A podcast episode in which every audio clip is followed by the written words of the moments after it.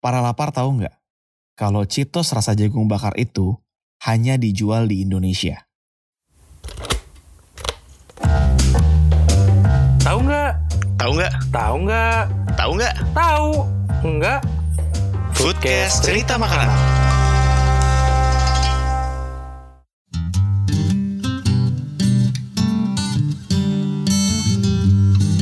Kembali lagi di Foodcast Cerita Makanan bersama gue Zaki. Bagaimana kabarnya para lapar? Semoga semua sehat selalu ya. Untuk episode tahu nggak kali ini hanya akan diisi oleh gue karena sekarang lagi off season Foodcast Cerita Makanan dulu.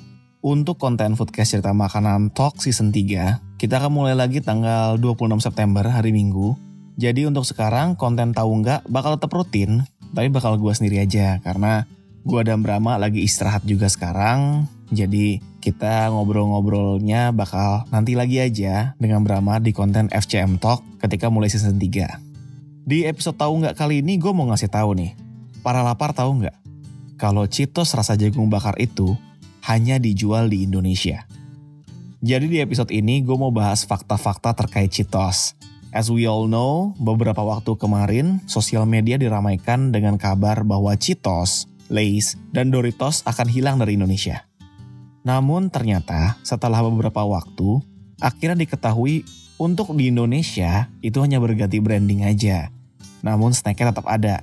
Dari Cheetos jadi Chiki Twist namanya, Lay's jadi Cheeto Light, dan Doritos jadi Mexicorn. Kita akan mulai bahas dari sejarah awalnya mereka dulu aja kali ya, dari Cheetos dulu. Cheetos pertama kali diciptakan pada tahun 1948 di dapur Frito Company di Dallas, Texas, oleh sang pemilik Frito Company, Charles Elmer Dulin. Pada tahun 1932, saat Charles berumur 29 tahun, Charles memulai bisnis makanan snacknya dengan membuat corn chip keripik jagung bernama Fritos. Makanya tadi namanya kan Frito Company karena karena nama snack yang pertama kali mereka jual itu Fritos.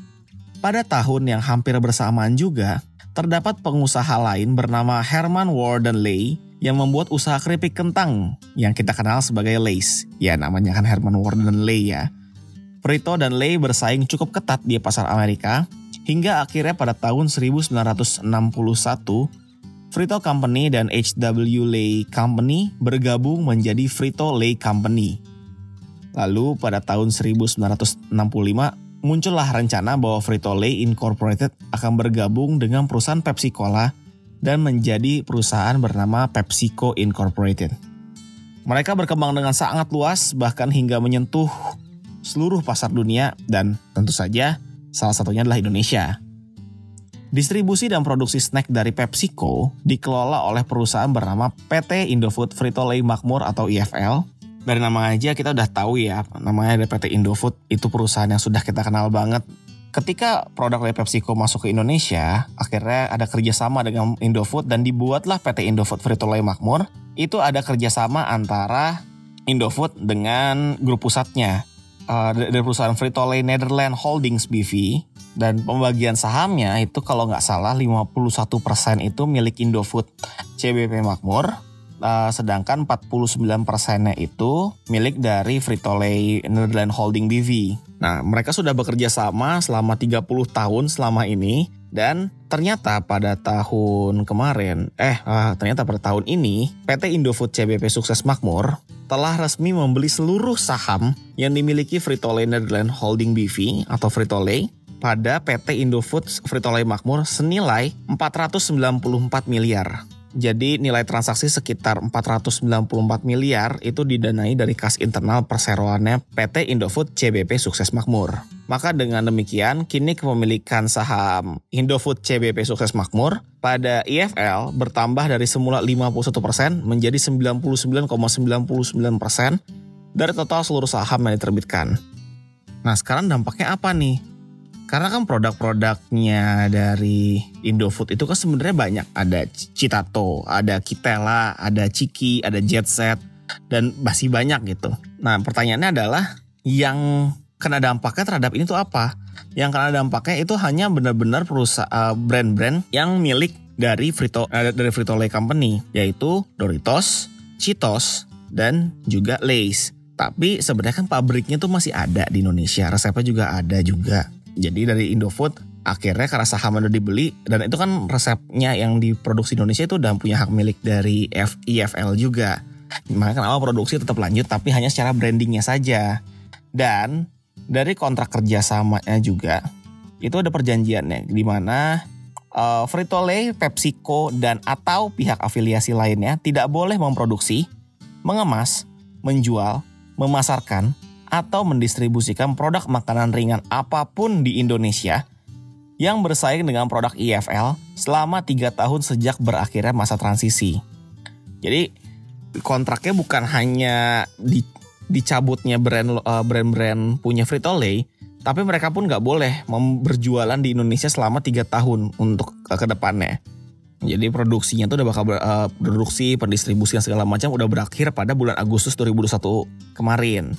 Dan tadi uh, Pepsi yang tadi dibilang bahwa PepsiCo dan afiliasinya juga telah sepakat untuk tidak memproduksi, mengemas, menjual dan lain-lainnya itu, periodenya adalah selama tiga tahun. Jadi selama tiga tahun ke depan, produk-produk dari PepsiCo yang uh, sifatnya makanan ringan, yang bersaing dengan produk-produk dari IFL, itu nggak bakal ada. Jadi selama tiga, at least tiga tahun ke depan, Cheetos tuh nggak bakal ada, uh, Doritos nggak bakal ada, terus juga Lay's nggak bakal ada.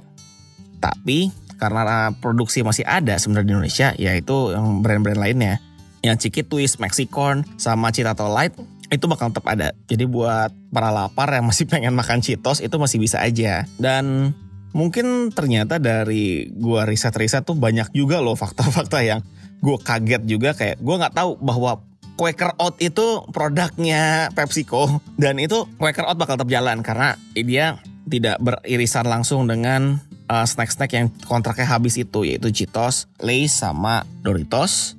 Ya tapi kita harap sih mungkin dengan dengan adanya konsep seperti ini ya Cheetos segala macam jadi cabut ada kemungkinan setelah tiga tahun dari sekarang bisa jadi dari perusahaan dari Frito-Lay PepsiCo Company itu mereka bisa aja masuk lagi ke Indonesia dengan membawa rasa-rasa originalnya mereka. Karena seperti tadi gue bilang di awal ke para lapar bahwa rasa Citos jagung bakar yang menurut gue cukup ikonik banget di Indonesia. Gue pun termasuk yang pecinta Citos jagung bakar. Ternyata itu hanya merupakan rasa yang hanya ada di Indonesia, nggak ada di negara lain.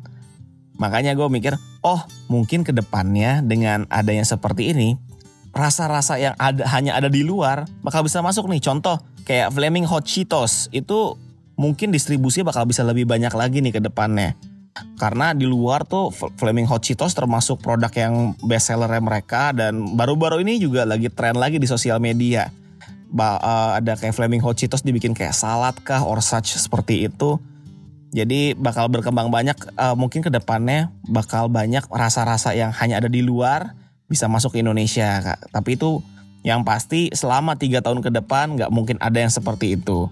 Kita hanya bisa stuck sama yang udah kita punya sekarang dan it's still good. Gue udah ngelihat beberapa yang udah makan Ciki Twist kah, yang itu nama baru dari Cheetos dan itu sama, basically it's the same. Dan sampai ada, kalau nggak salah ada mau bikin bikin tajos-tajosan juga kan, ada yang buat mainan-mainan kayak zaman gue dulu. Ini kita bisa makan, uh, apa sih ada mainan-mainan di dalam snack-snacknya it's kind of nostalgic actually gue kangen-kangen juga sama makanan-makanan dan mainan-mainan di dalamnya jadi mungkin gue bakal cari tahu juga So until then kita harus say goodbye sama maskotnya Cheetos yaitu Chester Cheetah. Ya gue yakin ada beberapa para lapar yang nggak tahu kalau nama maskot itu Chester Cheetah. Ya kita harus say goodbye sama dia and let's see dalam tiga tahun ke depan mungkin apakah PepsiCo akan segera kembali untuk memasarkan Cheetos dan mengenalkan kembali Chester Cheetah ke kita. Who knows? But for now, sebaiknya ya kita udah makan aja yang kita punya sekarang. And hopefully kita makin banyak makanan-makanan yang bisa kita coba lagi. Jadi sekian aja untuk episode tahu nggak kali ini.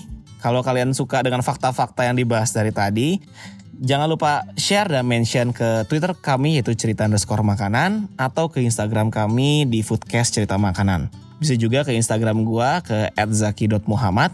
So, thank you for listening to this episode. Until next time, stay hungry.